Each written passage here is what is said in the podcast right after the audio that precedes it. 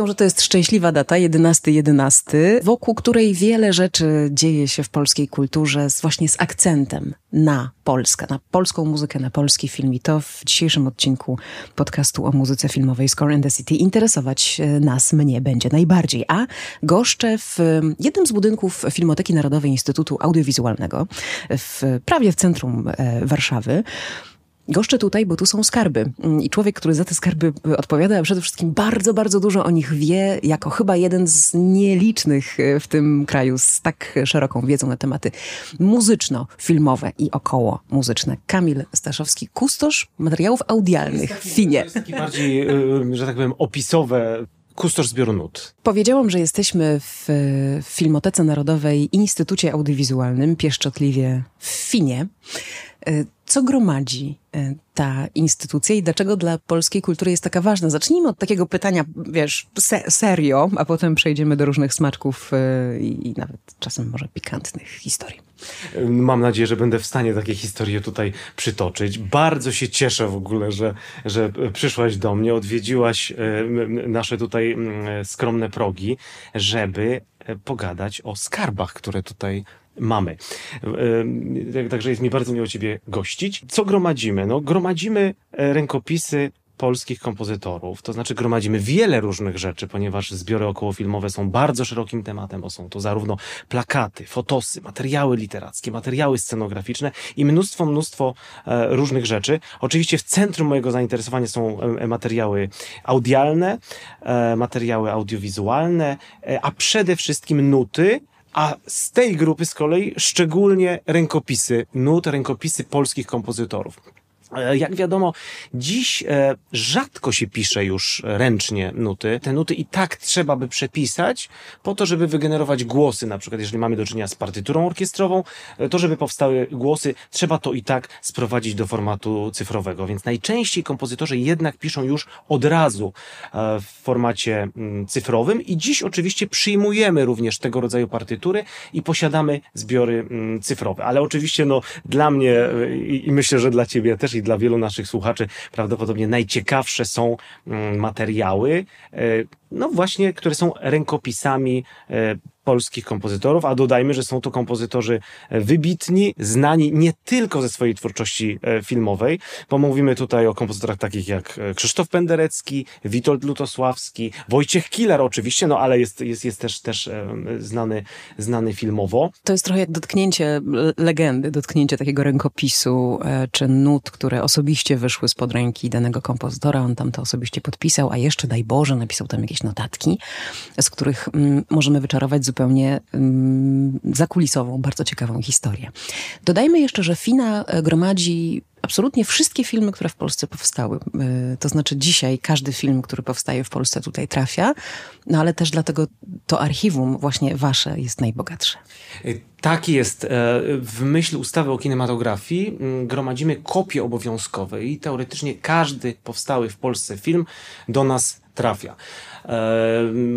Wraz z nim oczywiście trafiają dodatkowe materiały próbujemy teraz uregulować również kwestie nut i mam nadzieję, że w przyszłości to nasze archiwum będzie, będzie również e, e, e gromadziło nuty w takiej intensywności, jak miało to miejsce w, no, w innej rzeczywistości, czyli, czyli w latach 60., 70., 80., w latach 90. już e, troszkę e, to wyhamowało.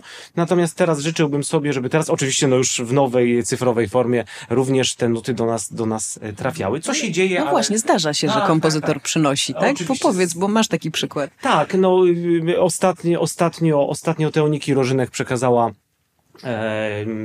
nuty do e, kwartetu smyczkowego. To jest to, generalnie muzyka w filmie Prime Time, bo o tym filmie, o tym filmie mówię, to jest taka e, muzyka elektroniczna, muzyka, muzyka klubowa, natomiast Teoniki na końcu tej e, muzyki umieściła kwartet smyczkowy, to nazwałbym go takim post-awangardowym e, i właśnie nuty do tego kwartetu w formie elektronicznej przekazała do naszego archiwum. Gromadzenie, zabezpieczanie tych materiałów, y, archiwizowanie to jest jedna rzecz. Druga rzecz to jest też dbałość o to, aby one pozostały w pewnym sensie żywe. Po co nam to jest potrzebne? Materiały nutowe czy około filmowe. Najpierw się to robiło często, potem się przestało to robić w ogóle, dzisiaj się do tego wraca. Po co? Tak, tak. No, żeby, żeby uściślić, to powiedziałbym, że na przykład niestety nie mamy żadnych materiałów przedwojennych, ponieważ one z tego, co udało mi się ustalić, były kiedyś traktowane jako mm, materiały księgowe i potem niszczone. Mówimy Więc o nutach. Mówimy o nutach, tak, tak, tak. Mówimy oczywiście, mówimy oczywiście o nutach. E, potem w rzeczywistości e, e, PRL-u było to inaczej, mm, inaczej zorganizowane i te nuty jakoś tam sukcesywnie do nas trafiały. Po co je gromadzić? Dziś na przykład jesteśmy w stanie wyciągnąć e, partytury chociażby Romana Palestra, e, które warsztatowo, e, artystycznie, moim zdaniem są, są znakomite. Natomiast realizacja nagrań do filmów, na przykład z lat 50., no była bardzo słaba technicznie. I bardzo często jest tak, że oglądamy jakiś film i się okazuje, że ta muzyka, no, brzmi źle. Jest, jest nagrana dość, dość archaicznie i, i, i spoglądając w nuty, widzimy trochę coś innego, a słuchając nowego nagrania, okazuje się, że jest to zupełnie inna, przestrzenna, wspaniała muzyka. No, kiedy już możemy zastosować jakieś e, nowoczesne techniki nagrania. Czyli się okazuje, że taki materiał muzyczny, taki rękopis muzyczny jest w jakimś sensie ponadczasowy, ponieważ e, e, jesteśmy go w stanie zrealizować dzisiaj w taki sposób, mam nadzieję, jak kompozytor to sobie zamierzył. Mamy tutaj, jesteśmy obłożeni tutaj różnymi materiałami. Jak chciałam położyć tutaj to, torebkę, to powiedzieć, o, to nie na tym może tutaj może nie na tym, skarby dookoła. Zanim przejdziemy do tych skarbów i zanim cię zapytam trochę właśnie o te nuty najsłynniejsze i co na nich jest, chciałabym cię zapytać jeszcze o kobiety. Kobiety w muzyce filmowej w Polsce były i były bardzo szeroko reprezentowane, może nawet szerzej niż nam się wydaje, już od samego początku w ogóle istnienia e, tego, tego gatunku i ty o tym coś wiesz. E, tak jest. E, była taka znakomita kompozytorka, kompozytorka, która najczęściej zajmowała się piosenkami. Napisała bardzo wiele piosenek dla dzieci, ale napisała też wiele takich przebojów, chociażby jak Augustowskie Noce, które śpiewała Maria Koterska, Oczywiście nie tylko Maria Koterska, bo i Jerzy Połomski i Lady Punk też w pewnym momencie śpiewało troszkę, troszkę taką za, zabawną, nazwijmy to, e, wersję. I Franciszka Leszczyńska, poza tym, że pisała piosenki, była również znakomitą e, e kompozytorką muzyki koncertowej, nazwijmy to. Pierwszym przykładem muzyki kobiety kompozytorki jest Lis i Bocian. To jest film, który wcześniej nazywał się Wet za Wet. To jest film animowany, krótkometrażowy. E, realizował go mm, Zenon Wasilewski i Franciszka Leszczyńska w 1949 roku napisała do tego filmu muzykę. A najnowszym z kolei, bo jeżeli mówimy o najstarszym, to teraz moglibyśmy przejść do, do najnowszego, no to jest to, o czym już, o czym już wspomniałem, czyli muzyka Teoniki Rożynek do filmu Prime Time e, w reżyserii Jakuba Piątka. To jest film z roku 2021. Możemy całkiem sporo przykładów mm, e, mm, muzyki kompozytorek podać. Ja nawet kiedyś trochę się pobawiłem i e, spróbowałem znaleźć, e, e, znaleźć pewną strukturę, gdzie mamy muzykę kobiet kompozytorek. I okazuje się, że najwięcej procentowo tego mamy w latach 70. No to co, idziemy obejrzeć trochę tych nut? Po, po, a te białe rękawiczki bierzemy po to, żeby dotykać tych nut w białych rękawiczkach? Mo możemy, możemy, tak. Tu ci jeszcze, jeszcze wisi szlafroczek taki bia biały, to wszystko po to, żeby tak zachować pewną sterylność. Biały, no, w końcu dotykamy jedyne, skarbów. Jedyne i najcenniejsze. Yy, Okej. Okay. Co by tu... O, tutaj o, Stanisława Radwana mamy akurat. Może też warto o tym wspomnieć. Okej. Okay. E, tutaj akurat, akurat trzymam takie podręczne rzeczy, które mm, y, tak, tak, to wam pie, pięknie szeleści. To są, to, jest... Aha. To, są, no. to są głosy do filmu Robinson Warszawski Artura Malawskiego. O. Nie jest to materiał pisany przez kompozytora. Oczywiście jest to rękopis, więc traktujemy to priorytetowo. Jest to rękopis. Tak, Rzeczywiście ktoś miał rękopis, niewiarygodnie tak. piękny charakter e, pisma nutowego. To wygląda jakbyśmy to wydrukowali. E, Mogę zrobić zdjęcie i Oczywiście. pokazać. Dobrze. Oczywiście. Tak, także no to jest też moja duża satysfakcja, że udało się wszystkie te materiały ułożyć w takiej kolejności, w jakiej być powinny, ponieważ trzeba pamiętać, że w momencie, kiedy była realizowana muzyka do filmu, to nuty były po prostu zbierane tak, jak były, następnie przekazywane, czy to do Ministerstwa Kultury, czy to do, mm, y, y, czy to z powrotem do studia filmowego, a potem, y, y, a potem różnymi drogami, Ścieżkami, różnymi nomen ścieżkami, omen, tak, ścieżkami. ścieżkami, różnymi ścieżkami trafiało to do nas, więc nie zawsze też, też ułożenie tego było, było właściwe. No tutaj oczywiście mamy zawsze porządek taki jak w partyturze, czyli zaczynamy od instrumentów dętych e, drewnianych, potem dętych blaszanych i tak dalej, aż dochodzimy na końcu do smyczków i to ułożenie mm, głosów to odzwierciedla. I w, w tej chwili w naszym zbiorze, e, po opracowaniu, po jego reorganizacji, już każde głosy do partytury są w ten sposób ułożone.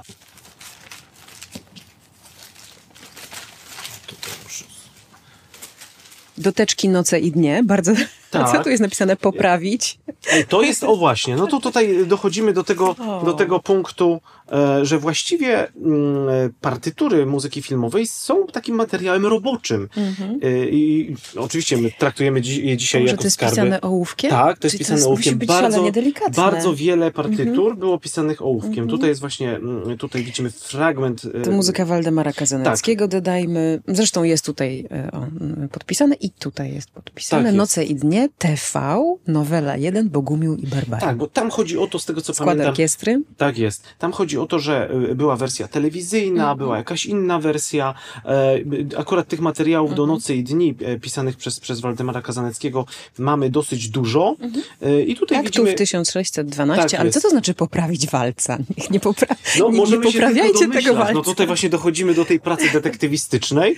E, możemy spróbować znaleźć tego walca i zastanowić się, co kompozytor chciał poprawić. Mo, może to też być i często się tak zdarzało, na przykład w przypadku partytur Jerzego Maksymiuka, tutaj na marginesie dodam, że jest to znakomity kompozytor muzyki. E, o, oczywiście kojarzymy go jako, moim zdaniem, najwybitniejszego polskiego dyrygenta i słusznie, ale też warto pamiętać o jego niezwykłej elastyczności, wrażliwości e, na muzykę w ogóle. To znaczy jest to kompozytor, który nie bał się e, żadnych konwencji. I obok konwencji na przykład e, pastiszowych, bo natrafiłem w jednym z materiałów na e, właściwie klasyczny kwartet smyczkowy w stylu powiedzmy Mo- Mozarta, tak?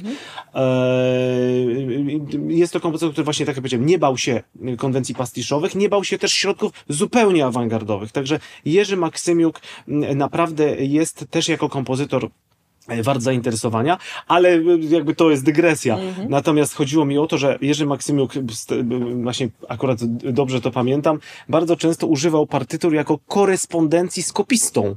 I przypuszczam, że w tej partyturze, którą tutaj mamy przed sobą, w partyturze Wa- Waldemara Kazaneckiego do Nocy i Dni, e, również tak było, więc poprawić walca to prawdopodobnie jest rodzaj SMS-a, e, rodzaj komunikatu do kopisty, e, który być może napisał coś inaczej niż kompozytor sobie wyobrażał. A co Jerzy Maksymiuk pisał w tych SMS-ach na papierze notowym?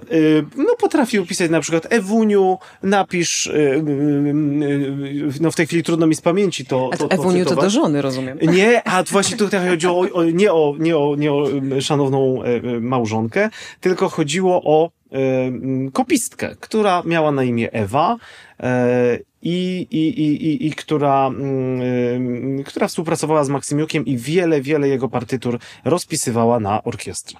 Zakazane piosenki widzę. Tak jest. A, tak, mamy dosyć sporo materiału do zakazanych piosenek. Czyli do pierwszego powojennego polskiego filmu. Tak jest, do pierwszego powojennego polskiego, e, polskiego filmu. Muzykę mm, y, taką ilustracyjną do tego filmu napisał e, e, Roman Palester, ale no niezwykle ważną rolę e, pełnią tam różnego rodzaju chociażby piosenki. No i akurat tu, tutaj mamy dwie wersje już wydanych, wydrukowanych e, wy- wydrukowanej piosenki e, Serce e, w plecaku. Tutaj jest jako serce w tornistrze. No, e, tutaj mamy akurat trzecie wydanie Gebetnera i Wolfa. Natomiast tutaj mamy druk który właściwie jest przedrukiem, no nie wiemy, nie wiemy czego, e, ale mamy dwie wersje, które możemy, możemy porównywać. To też jest, to też e, e, może być bardzo interesujące. Co ciekawe, to jest prawdopodobnie starszy druk, być może jeszcze, by, być może okupacyjny, mhm. ponieważ widać, że to jest i, i, jakość tego jest zupełnie inna. Natomiast jest to zbieżne z tym, co mamy tutaj. Mhm. E, tutaj ciekawostka a propos kobiet kompozytorek, mhm. że układ fortepianowy, czyli no, po prostu e, e, akompaniament do tej piosenki e, ułożyła Anna Maria Klechniowska, też wykształcona, znakomita mhm. polska kompozytorka znana skądinąd głównie z, ze szkoły na fortepian y, dla dzieci, e, ale, ale jako, jako, jako kompozytorka myślę jeszcze niepoznana.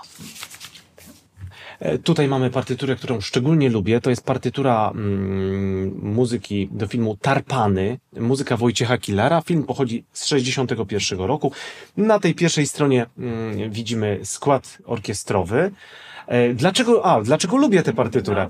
E, ponieważ jest to taki szczególny przykład dosyć obszernej partytury Wojciecha Killara. Wojciech Kilar miał taką niezwykłą umiejętność, niezwykłą zdolność bardzo precyzyjnego wyrażania myśli muzycznej i te jego partytury objętościowo są niewielkie. Tutaj akurat mamy do czynienia z dużą orkiestrą i z dużą objętościowo partyturą. E, film, film, film też jest wart uwagi ze względu na kreację chociażby Teresy Tuszyńskiej. E, zaglądamy do środka. Wojciech Kilar oczywiście pisał całą tę partyturę ołówkiem. E, I bardzo interesujące jest przy oglądaniu tego materiału to, że widzimy, e, których, których współbrzmi, które współbrzmienia postanowił na którymś etapie zmienić.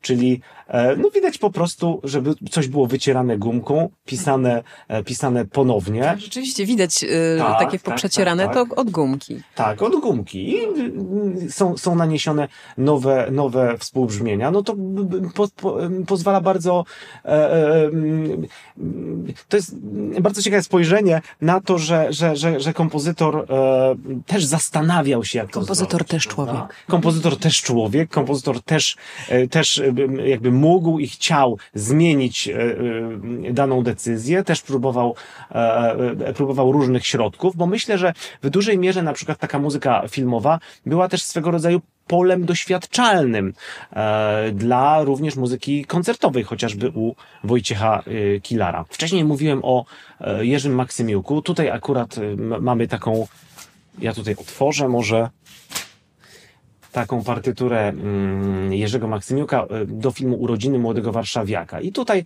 i tutaj e, te, te, dodam, że te partytury Jerzego Maksymiuka zwykle są bardzo malownicze. On używał wielu, wielu e, kolorów. Widzimy, widzimy mm, kolor niebieski, tutaj widzimy też zmianę składu. Na przykład widzimy tutaj taką notatkę, kwintet. Jest napisane 8, 6, 5, 4, a następnie jest przekreślone i niebieskim kolorem dopisane 10, 8, 6, 5, 3. Czyli E, zwiększono skład, ponieważ widocznie e, mistrz uznał, że, że, że ten kwintet należałoby bardziej dociążyć i e, Bardzo często też widzimy nazwiska wykonawców, czasami tylko same imiona. Nie zawsze jesteśmy się w stanie tego, mm, tego domyślić, ale czasami tak. A i też jest to bardzo interesujące, bo potrafi nam powiedzieć, co, e, kto uczestniczył w danym, w danym nagraniu, w tym no. pierwotnym nagraniu, bo najczęściej oczywiście to było raz nagrywane. Teraz wyciągamy te rzeczy z archiwów i, e, i, i e, próbujemy gdzieś tam wykonywać, albo planujemy tego rodzaju wykonania, więc będą to kolejne wykonania. Natomiast wtedy najczęściej taka muzyka została wykonana raz, i nagrana. Mhm. Absolutną torpedą są te graficzne e, partytury. Czy możesz opowiedzieć trochę e, o, o, o, takim, takiej partyturze graficznej, co to w ogóle znaczy? Bo ja na, pie, na, pie, na papierze nutowym widzę obrazki, jakby takie nawet dziecięce, czy takie, wiecie, jak siedzimy na jakimś wykładzie i strasznie się nudzimy i tam rysujemy różne takie graficzne rzeczy. Tak. W ogóle nie związane, ab abstrakcja totalna. To tak wygląda partytura graficzna. Tak, tutaj mamy akurat przykład e, muzyki do filmu Rekolekcje, który wcześniej nazywał się, bo to też jest charakterystyczne, że bardzo często filmy y, zmieniały tytuły, że był jakiś tytuł roboczy, a następnie był, był tytuł, który już, już z filmem e, zostawał.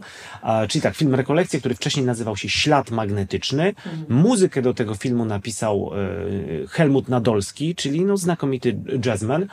E, I faktycznie widzimy tutaj absolutnie y, graficzną, graficzną partyturę. To jest niewielki skład, kontrabas, syntezator, y, organy.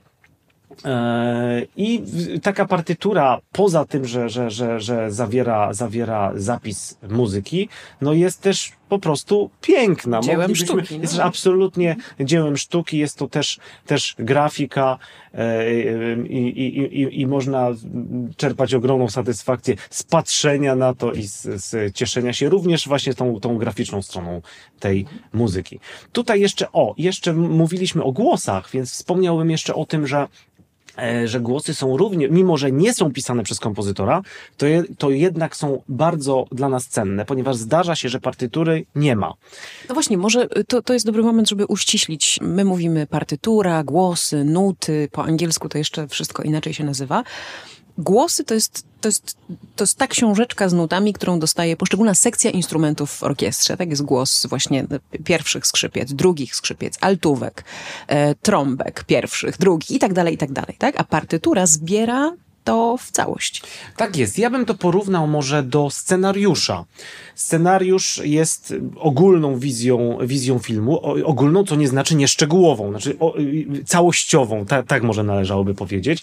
Natomiast poszczególni aktorzy otrzymują swoje powiedzmy partie. I w ten sam sposób działa partytura muzyczna. To znaczy dyrygent, dyrygent y, y, otrzymuje całość utworu, a poszczególni wykonawcy otrzymują przypisane im partia.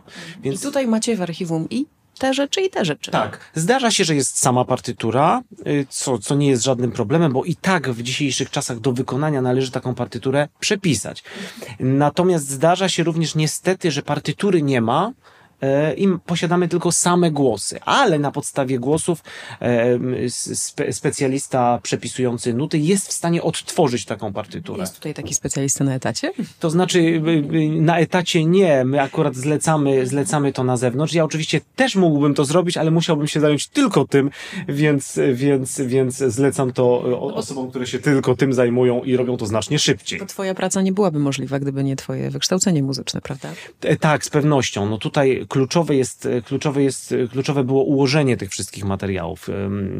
E, kiedy, kiedy trafiłem, kiedy instytucje nasze, czyli Narodowy Instytut Audiowizualny i Filmoteka Narodowa połączyły się w jedną instytucję, czyli Filmotekę Narodową, Instytut Audiowizualny, ja trafiłem na ten, na ten zbiór nut, który był oczywiście, e, e, to się tak nieładnie mówi, ale trudno mi teraz znaleźć inne, był zaopiekowany E, ale nie był profesjonalnie, profesjonalnie i merytorycznie opracowany. W związku z tym bardzo wiele było takich przypadków, że coś było partyturą, coś głosami, e, e, rzeczy były gdzieś tam ze sobą, ze sobą zmieszane. No, nie, nie, nie była to kwestia nawet, nawet przechowywania, tylko raczej wstępnie te materiały zdarzało się, że są po prostu E, po prostu zmieszane. Mo można sobie wyobrazić, że jeżeli były, były obok siebie tworzone dwa czy trzy nagrania, to często te nuty mogły być ze sobą ze sobą zmieszane, albo y, też nieprawidłowo rozpoznane. I tutaj powiedziałbym, że jest, mamy w tej chwili taki interesujący przykład, ponieważ przez, przez jakiś czas, przez lata w naszym, w naszym archiwum istniały nuty do Janosika i wydawało się, że są to nuty do serialu. Ale po naszej reorganizacji, po przejrzeniu przeze mnie tych nut, okazało się, że te nuty nijak do serialu nie pasują e, i są to nuty do filmu animowanego z 1954 roku. Mówię to z głowy, więc, więc mogą być pewne nieścisłości, ale, ale tak. Do, e, tak, pełnometrażowy e, film animowany, do którego muzykę napisał Zbigniew Turski. E, ja przejrzałem tę muzykę. Mm, mamy w tej chwili też ścieżkę mm, dźwiękową tego filmu. Niewiele tej muzyki zostało, prawdę mówiąc, wykorzystanej, a Zbigniew Turski no, jest to wybitny kompozytor. E, być może nasi słuchacze nie wiedzą, bo ja przyznam się, że nie wiedziałem o tym, ale, ale doczytałem i sprawdziłem, że w 1948 roku Zbigniew Turski otrzymał złoty medal na Igrzyskach Olimpijskich ponieważ w tamtych czasach był, był, taki, był taki czas, że e, medale przyznawano również e, to były letnie igrzyska, o ile pamiętam, e, przyznawano również w kategorii sztuki. Otrzymał taki złoty medal za... Zawsze sądziłam, że muzyka i sport mają ze sobą dużo wspólnego. No i okazuje się, że rzeczywiście tak było. Mówię o tym po to, żeby, żeby być może zapomniane nazwisko gdzieś, gdzieś przypomnieć i, i wskazać na to, że był to kompozytor ceniony no, również za granicą. Chociaż z tego, co, z tego, co wiem, otrzymanie przez niego, e, przez niego tego złotego metalu, medalu e, e, w karierze w Polsce, w ówcześnie PRL-owskiej, siermiężnej, o, to 40, 48 rok, w karierze wcale mu to nie pomogło, a wręcz przeciwnie. No i mamy właśnie jego muzykę do, do filmu Janosik. Jest to, jest to muzyka bardzo silnie oparta na folklorze, ale uważam znakomita warsztatowo. Mamy w tym przypadku właśnie to się, to się wiąże z tym, co mówiłem wcześniej. W tym przypadku mamy właśnie wyłącznie głosy. Więc trzeba będzie zrekonstruować partyturę, a następnie marzy mi się, że w kolejnym roku uda się zrealizować wykonanie tego utworu. Y, a nie chcę do końca zdradzać może, może co jeszcze ale być może byłoby to wykonanie nie tylko muzyczne. W jakiej formie muzyka jest tutaj przechowywana w Finie? Mamy różne, różne rzeczy na płytach, ale no przede wszystkim są to elementy kopii filmowej. Czyli mm, no bardzo rzadko się zdarza, że jest jakieś inne nagranie. No niestety, niestety, niestety takie były czasy, że, że nie zachowały się mm, nagrania y, takie, które, y, znaczy nagrania poza filmem, bo tak, wyobrażamy sobie, że najpierw Y, ten, y, najpierw muzykę nagrano, była, była powiedzmy w, y, na jakimś nośniku, a następnie to zmontowano z filmem. I idealnie. To też byłoby, dopiero od pewnego momentu tak, montowano. Tak, tak. I właśnie idealnie byłoby, gdyby były te pierwotne nagrania, które przypuszczam zawiera, mogły zawierać więcej muzyki niż, niż to, co znalazło się w filmie, ale niestety z tego, co, z tego, co wiem, taśmy były nadgrywane i nie zachowały się te, te nagrania.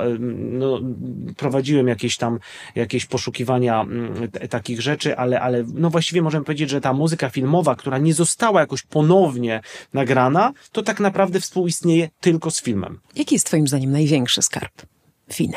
Albo Oj, najstarszy, nie jest, wiem, coś takiego. bardzo trudne pytanie, dlatego że, że mogę powiedzieć o tym, co szczególnie, szczególnie lubię, bo bardzo trudno jest też, też określić, no, czy lepszy jest Lutosławski czy Penderecki, prawda? No, albo coś w ogóle starego, starego. Coś w ogóle, coś w ogóle starego, no, y, y, najstarsze rzeczy, no to jest dopiero 45 rok, i mamy mniej więcej no, z tych lat 40. partytury chociażby Lutosławskiego. One mi się wydają, wydają niezwykle ciekawe, cenne, e, ale też y, no, chociażby partytury komedy. Myślę, że bardzo wiele mówią, mówią o, y, o nim jako o człowieku, dlatego że, że ja tutaj nawiążę trochę do tego, że niesamowite jest to, że przychodzi się do pracy i w jakimś sensie dotyka się tej rzeczywistości kompozytora, czyli wyobrażamy sobie, że ten kompozytor miał papier nutowy, e, ołówek, miał swój pomysł, być może jakieś notatki i gdzieś pomiędzy swoimi codziennymi e, obowiązkami, e, innymi pracami, e, miłościami, znajomościami, dziećmi, pisał tę muzykę. I ta partytura jako artefakt e, gdzieś e, z nim była, prawda? I w tym momencie kiedy przychodzi się do tego archiwum i można takiej partytury rzeczywiście dotknąć, można do niej zajrzeć, no daje to jakiś rodzaj jakiejś takiej ma magicznej, nazwijmy to, kooperacji z samym kompozytorem.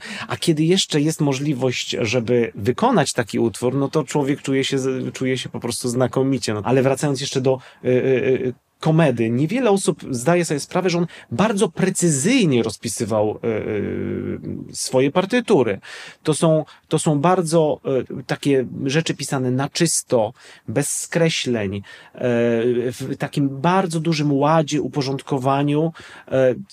jakby wydaje mi się, oczywiście to być może opowiadam sobie jakąś historię, ale, ale że dużo też, też można powiedzieć o osobowości danego, danego kompozytora, w jaki sposób pisał, jak jak to robił, jak bardzo był uporządkowany. E, I w, I w przypadku komedy to jest akurat ciekawe, no bo najczęściej jazzmenów no, nie kojarzymy z jakimś tam nadmiernym planowaniem, a tutaj to było bardzo precyzyjnie rozpisane, co widzimy tutaj w tych partyturach e, właśnie komedy. Mhm. A taki człowiek chaos, artysta, kompozytor szalony kompletnie. Nie wiem, czy możesz jeszcze jakieś nazwisko tutaj przywołać?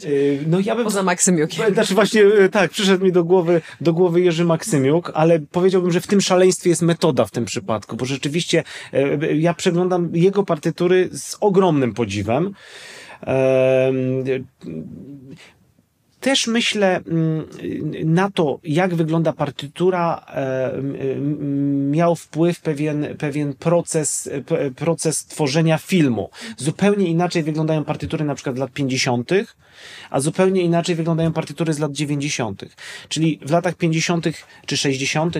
było myślenie raczej, raczej takie e, koncertowe, że kompozytor tworzy całość jakiejś, jakiejś muzyki, tworzy jakiś utwór, y, ten utwór często ma jakiś rodzaj formy, e, natomiast w latach 90. to bardzo często były jakieś fragmenty, jakieś kawałki, mm, coś, co jest, jest, jest w jakiś sposób y, niesamodzielne, po prostu, no i objętościowo też jest tego, jest tego znacznie mniej, czasami jest to, jest to trudno ułożyć, bo są to takie rzeczy, bym powiedział, bardziej e, e doraźne, o, mhm. muzyka bardziej doraźna, tak, tak, muzyka doraźna, to, to jest no jest to w końcu muzyka użytkowa, no nie, wiesz, cokolwiek byśmy nie mówili i jak bardzo nie chcielibyśmy się tutaj rozpływać tak, nad tym, bo, bo się tym zajmujemy, jest to muzyka, która ma służyć temu, żeby dzieło filmowe było w moim odczuciu. Tak, jeszcze lepsze. Do, powiedziałbym jeszcze, że e, tak, faktycznie ta kategoria muzyki użytkowej no, jest, tutaj, jest tutaj niezbędna.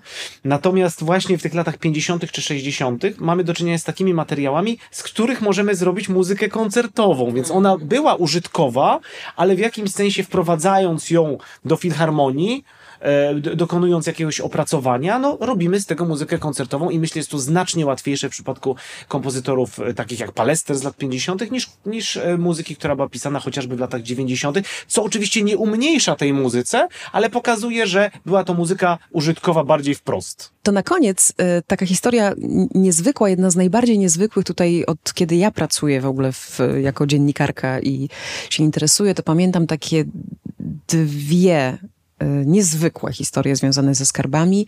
Pierwsza z tych historii to jest historia Janko Muzykanta z 1930 roku.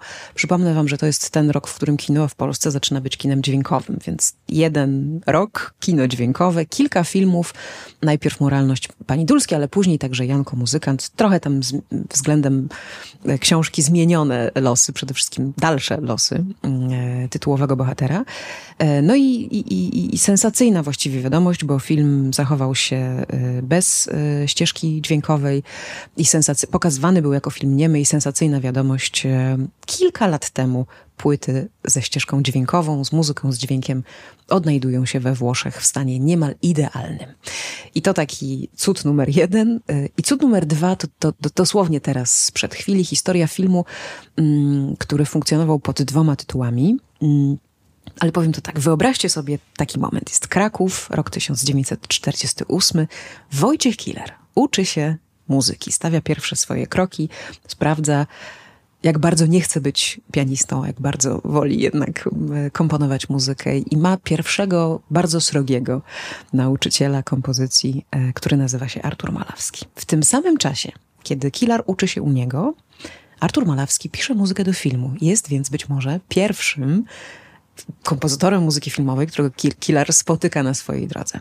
Tym filmem e, jest film Robinson Warszawski, mm, stworzony na podstawie wspomnień Władysława Szpilmana z Powstania. Uwaga, co się stanie po latach? Killer napisze muzykę do pianisty Romana Polańskiego, który to film oparty jest dokładnie na tych samych wspomnieniach, więc taka klamra. No i teraz e, mamy niebywałe losy e, tej produkcji, ponieważ ona przepada u władz polskich, zostaje w ogóle skreślona tworzy się właściwie nowy film mm, z nową muzyką, a stara wersja przepada. Zarówno film, jak i e, muzyka Artura Malawskiego. Mamy później ten nowy film pod tytułem Miasto Nieujarzmione z muzyką Romana mm, Palestra. No ale czas wrócić do Robinsona Warszawskiego, bo co się dzieje? I tu już Kamil oddaje ci głos wreszcie. Uf. Tak, e, u, znaczy moglibyśmy zacząć od końca właściwie, e, żeby powiedzieć, że udało się wykonać dzięki, dzięki wspaniałemu partnerstwu z Filharmonią Gorzowską, udało się wykonać pod znakomitą batutą Marty Kluczyńskiej zarówno muzykę Artura Malawskiego do filmu Robinson Warszawski, jak i Romana Palestra do filmu Miasto A następnie e, udało się nagrać i wydać płytę. Tutaj wielkie ukłony dla Duxu za, za, yy, za odwagę, za zaufanie, ponieważ myślę, że mamy do czynienia z jednym z najciekawszych nagrań w ogóle, no co najmniej e, ubiegłego, ubiegłego roku. I mówię to nie tylko dlatego, że, że, że gdzieś przyłożyłem do tego, do tego swoją, swoją cegiełkę i odnalazłem te materiały w naszych, w naszych archiwach, ale dlatego, że myślę, że dla polskiej, dla polskiej kultury jest to, jest to bardzo istotne mm, wydarzenie. Ale no bo od, odnalazły się nuty. Odnalazły się nuty, ale to ja zacznę może jeszcze od tego filmu, ponieważ to jest jedna z najbardziej niezwykłych, e, najciekawszych historii w polskiej kinematografii. E, tak jak już powiedziałaś, film opierał się pierwotnie na wspomnieniach no, najbardziej znanego polskiego Robinsona, czyli, e, czyli Władysława, Władysława Szpilmana. I tak, w 1949 roku mm, proklamowano w Polsce socrealizm. To się odbywało w różnych gałęziach sztuki, więc w Łagowie Lubuskim proklamowano e, socrealizm. W muzyce e, a na niesławnym zjeździe w Wiśle w listopadzie 1949 roku mm, proklamowano to na niwie filmu. I teraz w duchu tego nowego nurtu, bo często się też pojawiają takie błędne informacje, że to cenzura i tak dalej. Nie. Urząd cenzorski był zupełnie czymś innym. Natomiast tutaj mamy do czynienia z nurtem estetycznym e, socrealizmu, realizmu socjalistycznego, inaczej mówiąc, e, który de facto nie był nurtem estetycznym, tylko nurtem wprost politycznym. E, I teraz tak, w duchu tego nowego nurtu dodano elementy propagandowe do filmu do, i dokonano tak głębokich zmian, chociażby scenariuszowych, że zatarto pierwotny charakter e, dzieła. No dość wspomnieć, że Czesław Miłosz, który był współscenarzystą, wycofał się po prostu z tego, z tego projektu. I również e, oberwało się przy tej okazji muzyce Artura Malawskiego. Zarzucono jej formalizm i zdecydowano o usunięciu z obrazu. No, wydaje się to um, o tyle dziwne, że pojęcie formalizmu no, jest bardzo nieostre i, i, i, i, i myślę, że to jednak był taki no, swego rodzaju taka polityczna nadgorliwość. Ponieważ no, trudno, trudno coś, coś zarzucić muzyce, która jest z natury rzeczy abstrakcyjna. Jednak no, nie spodobała się. E, I e, napisanie nowej muzyki do tego filmu zlecono e, Romanowi Palestrowi. No ale myliłby się ten, kto by uznał Romana Palestra za jakiegoś beneficjenta tej sytuacji, ponieważ jego, to też jest w ogóle bardzo ciekawa historia, że jego, jego kontakty z ówczesną władzą były bardzo skomplikowane i on właściwie jedną nogą był już gdzieś na emigracji. I z jednej strony, z jednej strony był krytykowany, również Palester za, za, za, za właśnie e, formalizm, to znaczy inaczej. Był chwalony za e, muzykę filmową, natomiast ganiony za muzykę niefilmową, czyli z jednej strony był, był ganiony, a z drugiej strony e, ówczesny wiceminister Sokorski proponował mu prominentne stanowiska muzyczne. Co się nie dziwię, że on się w końcu po prostu zdenerwował. No i sytuacja wyglądała tak, że Palestrowi bardzo zależało na tym, tym, żeby w sposób odpowiedni załatwić sprawę z Malawskim, to znaczy, żeby nie zadrażnić z nim kontaktów. Życzył sobie nawet odpisów korespondencji e, z, z Malawskim. Bardzo zależało mu, żeby nie skrzywdzić kolegi i żeby, żeby mieć z nim, mieć z nim e, dobre relacje. Tutaj rzeczywiście, rzeczywiście mm, e, zachowywał się bardzo grzecznie i dyplomatycznie, ponieważ sytuacja, no, jak się domyślamy, była, była nie, nieciekawa. A najciekawsze jest to, że e, e, Palester ostatecznie, który jak, jak, jak wiemy wyemigrował, ostatecznie też został wymazany z e, napisów końcowej wersji filmu. Czyli w ostatniej wersji filmu właściwie nie mamy informacji, kto napisał tę muzykę. Oglądamy tutaj zdjęcia z, z koncertu i też zdjęcia tych materiałów nutowych. No i bez cienia wątpliwości można powiedzieć, że patrzymy na skarby, szczególnie takie skarby archeologicznie trochę odkopane. Takich skarbów ci życzę, bo może jeszcze gdzieś tam tutaj takie drzemią i czekają na swoje, na swoje odkrycie. Kamil, bardzo ci dziękuję za to, za to spotkanie mm, szalone mm, wokół materiałów nutowych, które są trochę jak pamiętnik kompozytora, bo pokazują znacznie więcej niż tylko e, melodię zapisaną, ale też osobowość, charakter, mm, styl pracy i wiele, wiele więcej. Szkoda, że nie możemy sobie tego oglądać razem z, ze słuchaniem muzyki, ale może ta, ta tajemnica to jest właśnie to. To jest to jest to, co sprawia, że to jest takie fascynujące. Ja mam nadzieję, że między innymi nasze spotkanie, ale też tutaj moja skromna działalność przyczyni się do tego, że będziemy mogli spotkać się e, za jakiś czas już ze słuchaniem, bo już przecież pierwsza taka rzecz e, miała miejsce. Możemy słuchać wspaniałego wydawnictwa Duxu, tej muzyki Artura Malowskiego i muzyki Romana Palestra. E, I ja też bardzo serdecznie zachęcam wszystkich badaczy, melomanów, żeby interesować się również tą muzyką filmową, ponieważ w tej chwili mamy właściwie całkowicie opisany zbiór tych materiałów w Filmotece Narodowej Instytucie Audiowizualnym. I są to materiały, e, które są no, do wzięcia, do badania, do grania, więc, więc e, jest to mój osobisty, bardzo duży powód, e, powód do satysfakcji. I wszystkich Państwa do tego zachęcam, zachęcam Państwa do muzyki filmowej. Bardzo dziękuję za no, niesamowitą wizytę i cieszę się, że miałem okazję rozmawiać no, o tym, co mnie, co mnie najbardziej interesuje w tak znakomitym y, towarzystwie. No to obiecajmy sobie, że ciąg dalszy nastąpi. Koniecznie, bardzo dziękuję.